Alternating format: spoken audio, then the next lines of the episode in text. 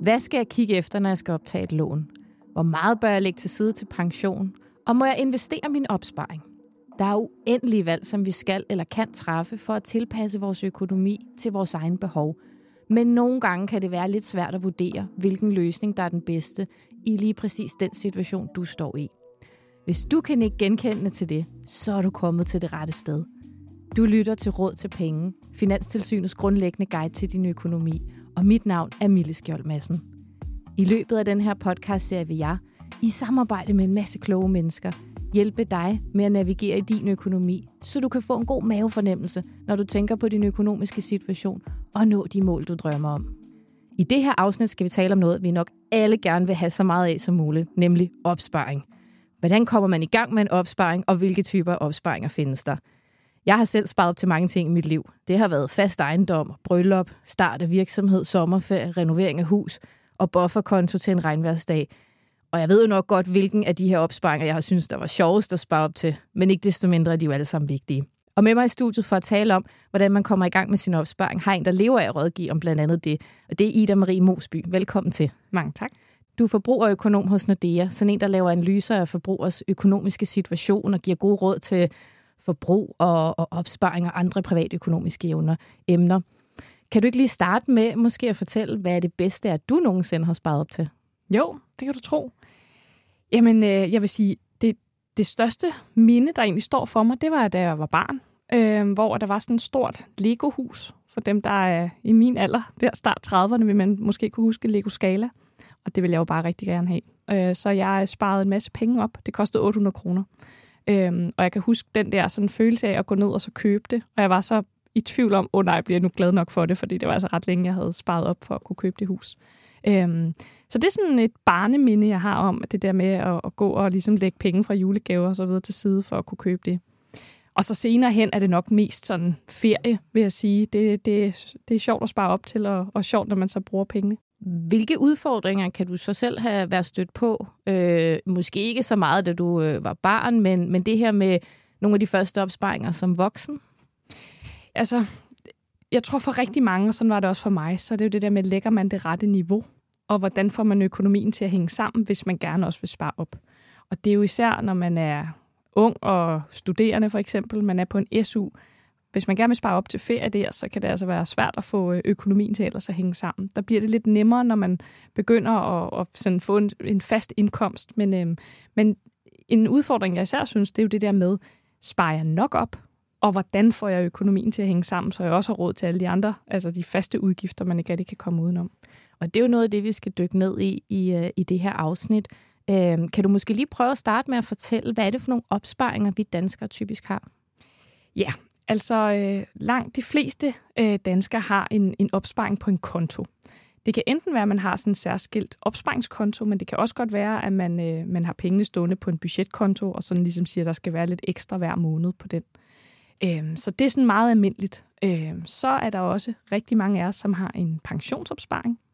Og det er jo sådan et øh, produkt, som er blevet mere og mere udbredt heldigvis, kan man sige, det her med, at vi gennem vores arbejdsplads typisk har en, øh, en aftale med et pensionsselskab om, at en vis del af ens løn bliver betalt ind til pension. Så den er der også mange, der lidt glemmer, når vi snakker opsparing, at den har man jo faktisk også. Så er der også flere og flere, der er kommet i gang med at investere. Og det er jo også en form for opsparing, at man, øh, man vælger at købe værdipapirer. Det kan være aktier, obligationer eller fonde osv., øh, som er sådan en mere langsigtet øh, opsparing. Og så er der jo også stadig nogen, der har, øh, det kan være penge under hovedpuden, altså nogle kontanter i skuffen, men det er, det er lidt mindre udbredt, end, end det har været tidligere, fordi vi er ikke så mange, der betaler med kontanter længere. Så langt de fleste har det stående hos en bank øh, og, og har opsparing derigennem. Og så er der jo også den form for opsparing, som andre har lavet på vores vegne. Det kan fx være en børneopsparing, øh, som en, det kan være, at man stadig har den stående, eller, eller man stadig er barn og, og venter på at kunne få den ud, når man er 18 eller 21 år typisk. En af de ting, jeg selv har, øh, har oplevet i forhold til det her med, med opsparing, øh, det er det her med motivationen, mm. når man er i gang med at spare op. Øh, fordi når man skal lægge penge til side til noget, så er det jo også øh, typisk, øh, fordi man så også skal give afkald på noget nu og her for at kunne frigøre pengene til, til opsparingen. Hvad oplever du oftest er den største udfordring, når vi gerne vil spare op? Jamen, det er jo det her med, at øh, hvis man skal spare op, så skal man også undvære noget nu. Og det er sådan en helt almindelig menneskelig adfærd, at vi sætter bare lidt mere pris på forbrug nu, end forbrug i fremtiden. Fordi nu, der står man og har lyst til et eller andet, og man kan næsten ikke vente. Og så det der med at skulle behovsudsætte og sætte ting til side, det kan være svært. Og det kan både være svært, øh, hvis man er yngre eller ældre, eller uanset hvor man er i livet. Og det er sådan en helt klassisk menneskelig adfærd, at, øh, at vi har det på den måde. Og der er sådan en helt felt inden for økonomi, der hedder adfærdsøkonomi, hvor man netop kigger på de her biases, vi har, hvor vi har det med at overvurdere vores nutids jeg i forhold til vores fremtids jeg, og så glemmer vi, at ah, men det kunne altså godt være, at de penge kunne blive brugt senere. Og det er jo for eksempel derfor, man har indrettet vores pensionssystem, som man har, med at sige, at vi bliver altså nødt til at tvinge os lidt til at spare op, fordi ellers så sparer vi ikke nok penge op til pension. Og der er der lavet nogle interessante undersøgelser, hvor man øh, for eksempel i USA ser på forskel med dem, der er blevet sådan tvunget til at spare op til pension, og dem, der ikke er. Og man skulle tro, at uanset om det er et, det er et aktivt valg eller ej, så har vi alle sammen lyst til at have nogle penge til vores alderdom. Men, øh, men der ser man altså rigtig store forskelle, fordi vi altså bare har det med at komme til at bruge lidt ekstra, hvis vi, øh, hvis vi har mulighed for det, så vi glemmer at få sparet nok op. Så det, jeg hørte dig sige, det er, at vi kunne godt have en tvungen ferieopsparing for alle os.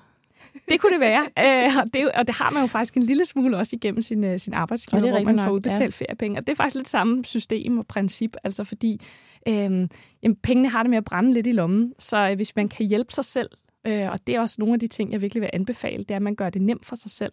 Fordi vi har det altså med, hvis pengene bare står tilgængelige på en konto, så er det lidt nemmere at komme til at bruge af dem. Øh, vi lavede en, en undersøgelse i Nordea for et par år siden, hvor vi spurgte øh, danske forbrugere, så ikke kun Nordea-kunder, men, men danskerne generelt set over 18 år, øh, hvordan de sparede op. Og der var det faktisk to ud af tre, der sagde, at de kun sparede op, hvis de havde penge tilbage sidst på måneden. Så i stedet for ligesom at sige, jeg beslutter mig for, hvor meget jeg sparer op fast, så gjorde de det, at de sagde, hvis der var penge tilbage, eller der kom noget ekstra ind fra noget øh, overskudsskat eller andre ting, der kunne være kommet ind, så sparede de de penge op. Og det kan jo være fint nok, men, men udfordringen det er, at typisk så kommer vi altså til at spare lidt mindre op, end hvis vi starter med at beslutte os for, hvor meget vi godt kunne tænke os at sætte til side. Så man skal egentlig betragte alle sine opsparinger lidt ligesom øh, det her koncept med pensionsopsparing, hvor der fast bliver sat et beløb til side hver måned, at man måske skal starte måneden med at sætte et fast beløb til side. Det vil jeg i hvert fald anbefale. Øhm, og så, øh, så er der jo selvfølgelig rigtig mange forskellige former for opsparing, så man kan sige lige med pensionen, der kan man godt vælge at sætte noget mere ind til pension. Det kan der være mange fordele ved, men ellers så har man typisk, at det gennem sin arbejdsgiver er, er bestemt, hvor meget, hvor stor en procent, der bliver sat ind. Så bliver det selvfølgelig lidt mere øh, vanskeligt, hvis man nu er, er selvstændig for eksempel, så er det en selv, der står for, for at beslutte det. Det kan være lidt mere vanskeligt, øh, hvis man har en opstartsvirksomhed for eksempel. Øhm, men der findes mange forskellige opsparingsformer, øh, men for dem alle sammen vil jeg sige, at det der med, hvis man kan hjælpe sig selv og gøre det simpelt, så man, øh, man sætter en automatisk overførsel op. Det kan være, at man har en opsparingskonto, man godt kunne tænke sig at sætte nogle penge ind på hver måned. Jamen, så kan man gøre det nemt ved at gøre sådan, at den automatisk fører nogle penge over, i stedet for at man selv skal huske det. Og så behøver det jo ikke at være store beløb nødvendigvis, men så får man sat det i system i hvert fald. Nu synes jeg lige, vi skal prøve at høre fra en, der har udfordringer øh, om lige præcis det her med, med opsparing, og også har gjort sådan nogle overvejelser. Det er 34-årige Maria. Hun er gift og har to børn og et godt job. Lad os lige høre, hvilke udfordringer hun står med med sin opsparing. Opsparing for mig, det er lidt alt det, jeg ikke bruger. Det smider jeg over på en opsparing. Og så kan jeg selvfølgelig sige, at jeg smider så meget af til en opsparing, og så har jeg så meget tilbage at bruge af. Altså det er jo den gode måde at gøre det på, at beslutte mig for, hvor meget vil jeg spare op, øh, og hvor meget har jeg så til overs. Men når så det, man har til overs, ikke er nok, fordi jeg ikke helt har kunne regne ud, hvor meget jeg skulle bruge, så er det udfordringen kommer. Nogle måneder, så er det måske så kommer der en uforudset regning ind, som jo nok egentlig burde ligge i budgettet på en eller anden måde, men det er ikke altid, den gør. Så tager vi derfra vores opsparingskonto. De værste måneder, der, øh, der, der spiser vi jo af opsparingen. Så det vil sige, at først så tager jeg jo så det beløb, som jeg har overført til en opsparing og, og bruger, så at, at den egentlig går i nul. Men hvis det så ikke er nok, jamen så tager jeg jo lidt af min opsparing. Og det er jo en opsparing, som vi ikke laver til, at det skulle være husholdning. Men en opsparing, der skulle være måske til noget, der var lidt sjovere, eller til noget, der gør tilværelsen lidt mere tryg.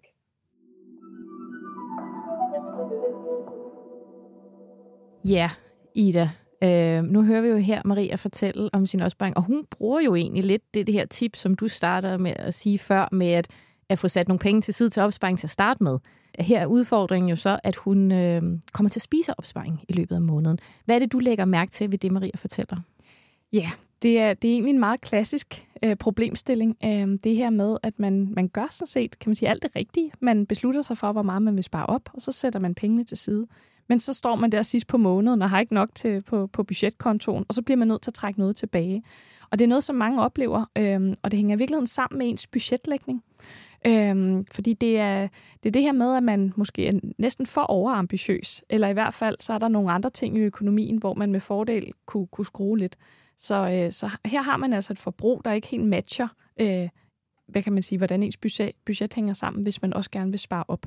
Og det er jo ærgerligt, fordi det kan virkelig mindske motivationen, hvis man øh, ellers troligt sætter penge til side og, og gør det, følger sin plan, men man så bliver nødt til at trække penge tilbage. Så ser man pludselig kontoen blive mindre og mindre.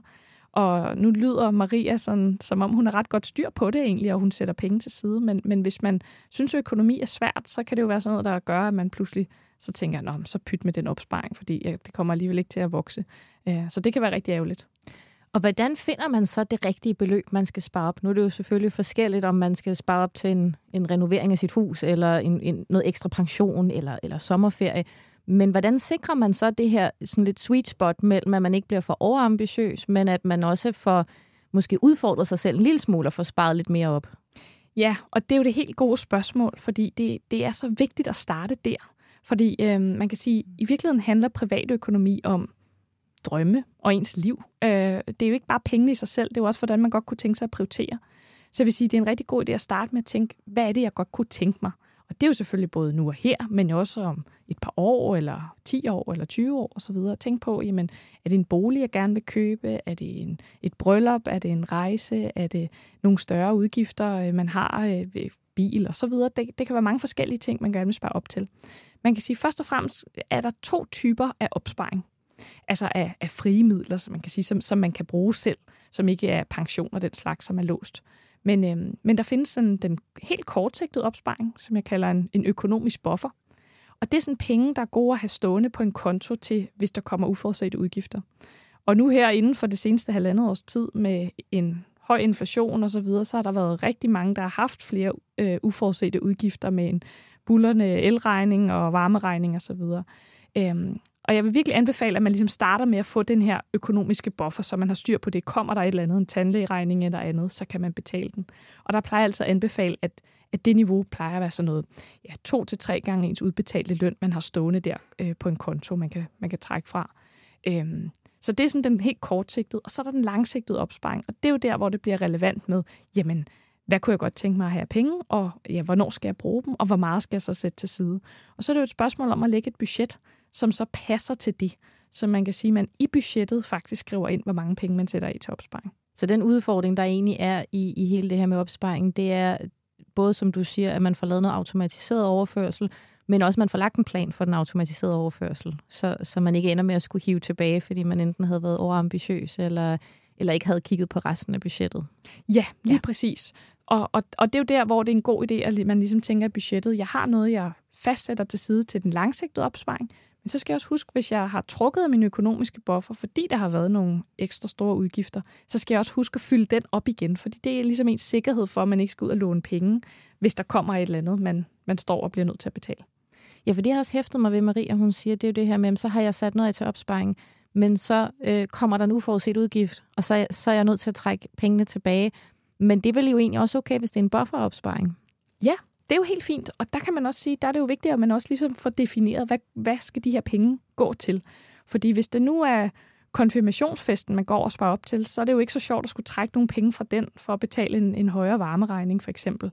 Men hvis det nu netop er en, en, en økonomisk buffer til, der kunne komme en højere varmeregning, så er det jo lige præcis det, pengene er, er tiltænkt. Øhm, og der skal man også huske at ikke at være for hård ved sig selv, fordi øh, det kan være svært at, at lægge sådan et budget for et helt år, for der kan være rigtig mange ting. Lønnen kan variere, og udgifterne kan variere osv. Og derfor er det en god idé, at man har den der økonomiske tryghed i at sige, jamen kommer der noget, så har jeg det på den særskilte opsparing, og så har jeg altså, for eksempel hvis det er til en konfirmation eller en rejse eller den slags, så kan man så spare op til det ved siden af. Så, så en anbefaling er også, at man deler det lidt op. Fordi har man det hele på samme konto, kan det være svært at overskue, hvad er egentlig til hvad. Og hvordan ved man så, at pengene ligesom vokser, og man kan se, at der kommer flere og flere penge på kontoen, hvor meget er ligesom tiltænkt det ene og det andet. Så det kan være en måde at gøre det lidt nemmere, at man gør det lidt mere i kasser.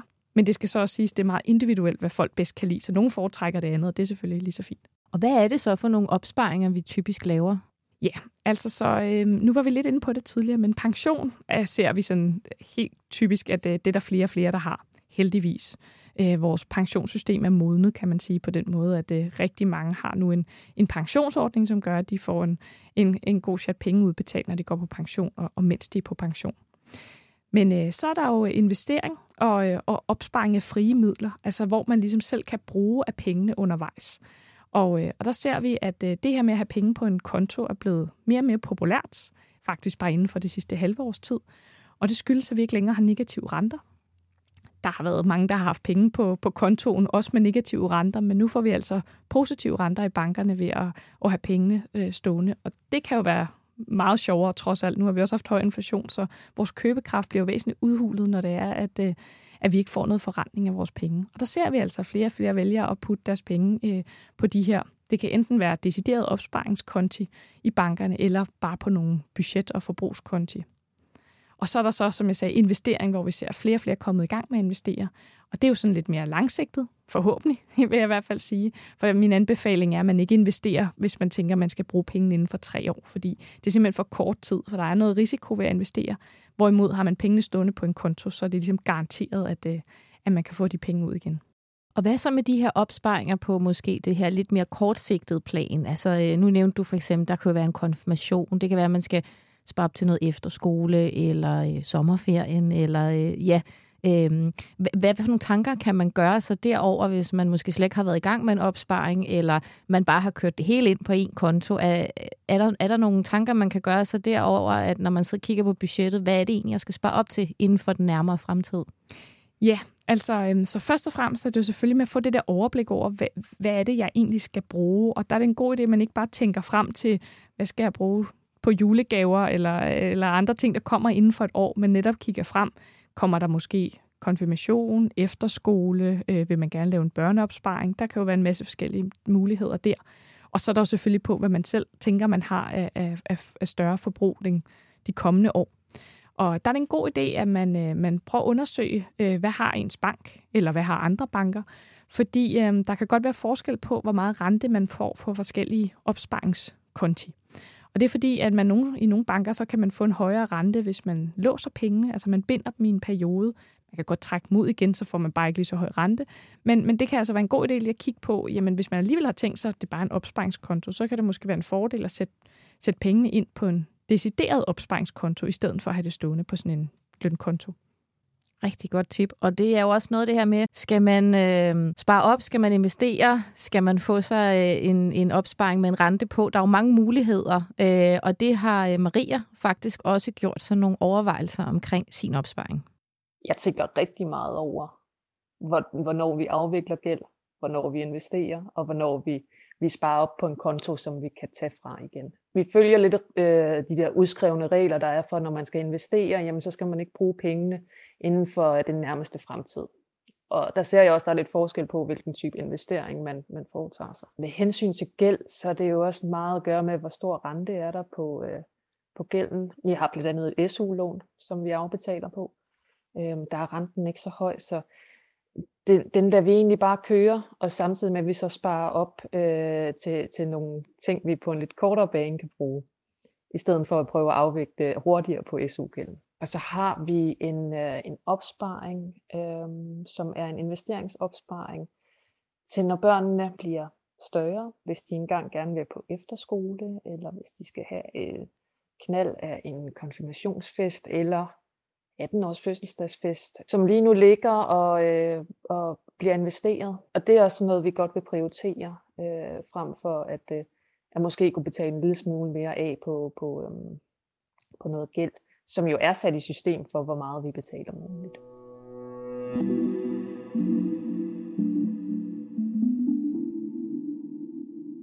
Ida Marie Mosby, det er jo nogle interessante øh, man kan sige, perspektiver på det her med, hvornår skal man spare op, og hvornår skal man øh, betale af på gæld, og hvornår skal man investere. Lad os lige vende nogle af de ting, Maria siger her. Øh, lad os starte med det her med opsparing over for investering. Øh, hvilke overvejelser skal man gøre sig, når man står med nogle penge i hånden, og skal beslutte, øh, skal de investeres, skal de lægges på en opsparingskonto, eller skal, skal man måske betale af på noget gæld? Ja, øhm, og, og der vil jeg sige, at det første sted at starte, det er helt klart at se på, jamen, hvornår skal pengene bruges? Øhm, fordi investering, vil jeg sige, det er kun for, hvis man, hvis man skal bruge pengene, efter der er gået tre år. Det er sådan en tommelfingerregel. Det kan selvfølgelig sagtens være mere end det. Øh, men det handler simpelthen om, at når man investerer, så påtager man så noget risiko. Fordi de finansielle markeder, de kan gå op og ned.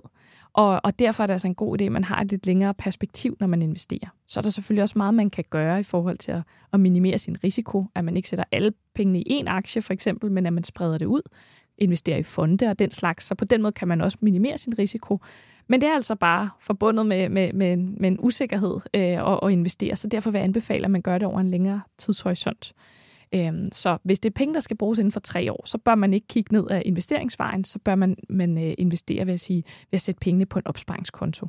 Så det du, det, du siger, det er måske, hvis jeg skal spare op til min sommerferie, så er det godt bare at gøre det øh, kontant på en konto, og skal jeg spare op til min datters efterskole om Øh, det ved jeg ikke, syv år, så kan jeg måske overveje at investere det. Ja, lige præcis. Ja.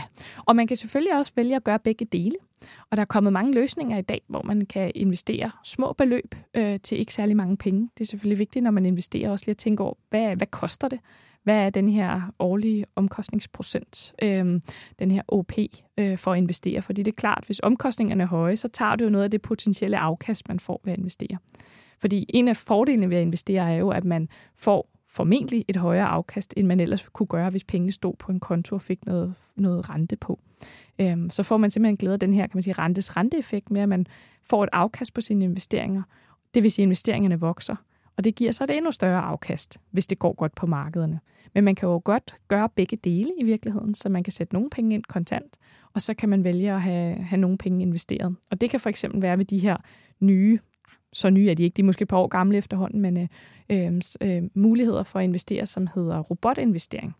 Altså hvor man øh, gennem, øh, der er mange forskellige banker, der har det, men så kan man gå ind, og man får nogle spørgsmål, jamen hvornår skal pengene bruges, og hvor risikovillig er det, og så videre. Så er der en masse, man skal svare på. Og så investerer den egentlig på vegne af en til, til en lav omkostning, og man kan investere for eksempel 100 kroner øh, om måneden, så det behøver ikke at være de der helt store beløb. Der er mange, der tror, at at man skal have en stor opsparing for at begynde at kunne investere den. Man kan altså godt komme i gang for mindre end det. Så man kan jo prøve at, at gøre begge dele i virkeligheden også. Og så nævnte du jo så lige det her eksempel med noget øh, renter på en opsparingskonto. Det kan jo også være en mulighed, måske hvis man ikke er så risikovillig, eller ikke synes, der er langt nok til, til, til den dag, man skal bruge pengene.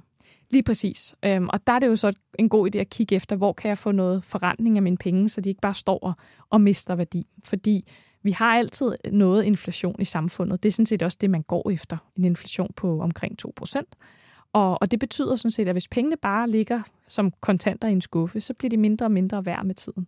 Så det her med at kunne få noget rente på sine penge, det er altså en rigtig god ting. Øhm, så det kan være en fordel, at man, man sætter pengene ind på en opsparingskonto, hvor man kan få noget rente på. Øhm, også selvom man måske skal bruge pengene inden for, inden for de her tre år. Øhm, og så kan man løbende sætte ind. Og der findes en masse muligheder, men for eksempel kan man kigge efter sådan noget månedsopsparing, hvor man månedligt får overført et beløb til en opsparingskonto. Og så lad os lige vende det her med gæld og opsparing. Fordi hvis man nu har gæld, øh, er det så dumt at gå i gang med en opsparing? Det kommer lidt an på, hvad det er for en form for gæld. Øh, fordi jeg vil sige, øh, det er altid godt at have den her økonomiske buffer, som vi har været inde på. Altså man har noget, man kan trække på. Den vil jeg anbefale, at man har, uanset om man har gæld eller ej. Men det er klart, har man meget dyr gæld, altså sådan noget forbrugsgæld, har man taget kviklån eller forbrugslån eller andet, hvor der er en meget, meget høj rente, altså den her OP, så er det altså en god idé at komme af med den først. Så jeg vil sige, punkt nummer et, det er at nedbringe gælden hurtigst muligt, hvis den er dyr. Hvis den ikke er dyr, det kan for eksempel være realkreditgæld, det er der mange, der har, det er typisk til nogle relativt lave renter, så er det altså ikke noget, man skal stresse sig meget over. Det er stadig fint at få den nedbragt, så øger man også friværdien i, i den bolig, man har. Det er jo også en form for opsparing. Øhm, men der er det altså godt, at man også sætter af til, at man skal have noget opsparing ved siden af. Noget mere langsigtet opsparing, fordi det er nok de færreste, der tænker, at de slet ikke skal bruge penge på en ferie eller en eller anden oplevelse eller et større køb på et tidspunkt. Så der vil jeg igen sige, at det er en god idé at gøre begge dele, men sørg for at få det balanceret. Nogle har meget fokus på at skulle være helt gældfri, for eksempel. Øhm, og det er heller ikke en dårlig ting, men, øh, men man skal selvfølgelig også tænke på, jamen den dag man så er helt gældfri, jamen har det så betydet, at der var en masse fede oplevelser, man kunne have haft undervejs i livet? Det kunne også være, hvis man har små børn.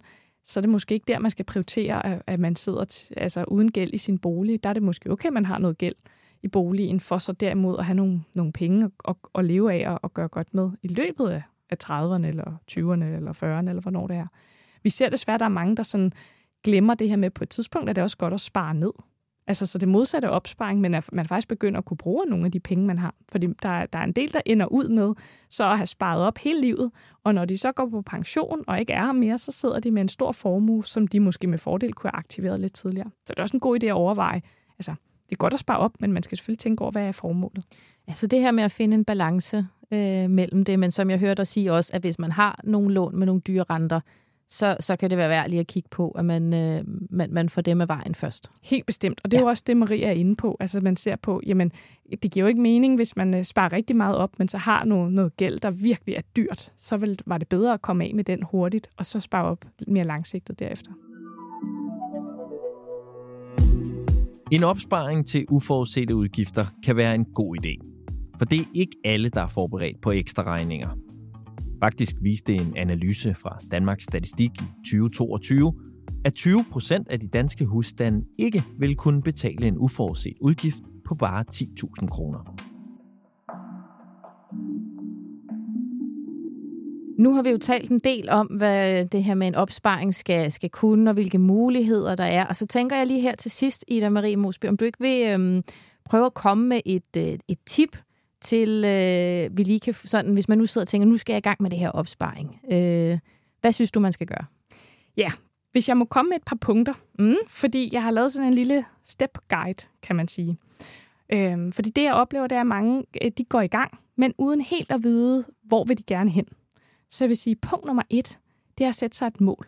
Altså, hvad er det, man skal bruge penge til? Det hjælper også lidt på at holde motivationen, når man kan tænke på, at det her bliver en dejlig ferie en dag, eller det her bliver boligkøb eller andet. Så sæt et mål. For derfra er det så også nemmere at beslutte de andre ting. Så hvordan kan budgettet hænge sammen, hvis man skal sætte penge til side? Er det langsigtet opsparing, eller er det mere kortsigtet? Det kan være relevant i forhold til, om pengene skal investeres, eller, eller bare stå på en konto. Og så det her med at huske at se på økonomien som helhed. Vi har været lidt inde på det, men, øh, men, men at huske, hvis man har dyr gæld, så er det altså bedre at komme af med den, end at gå og spare meget op ved siden af, og så betale rigtig meget rente på den der gæld. Øhm, og så det sidste punkt vil jeg sige, det er at gøre det nemt for sig selv. Så det er jo både noget med at se på, jamen hvis man nu sparer op for eksempel først på måneden, samtidig med at man alligevel betaler alle de faste udgifter den slags, så ved man, at det, der så står på kontoen, forbrugskontoen bagefter, det må man gerne bruge af. Det kommer ikke til at betyde, at man så ikke længere har sparet op til, til konfirmationen om nogle år, for eksempel. Øhm, og kigge på at automatisere det, sådan så at det ikke er noget, man aktivt skal gå ind og gøre, men det er noget, der sker automatisk, fordi det er egentlig bare meget rarere, at, øh, at økonomien kører på den måde i baggrunden, øh, i stedet for at man selv skal ind og huske det, fordi så er det der, vi kommer til ikke at spare helt nok op, fordi vi glemmer det, eller vi får det ikke lige gjort, og så kommer vi til at bruge flere penge, end vi egentlig havde regnet med. Så gør det nemt for sig selv. Det vil jeg klart anbefale. Det er et super godt råd. Tusind tak, fordi du vil være med i dag, Ida Marie Mosby, og gøre os alle sammen klogere på opsparing. Jamen tak, fordi jeg måtte være med.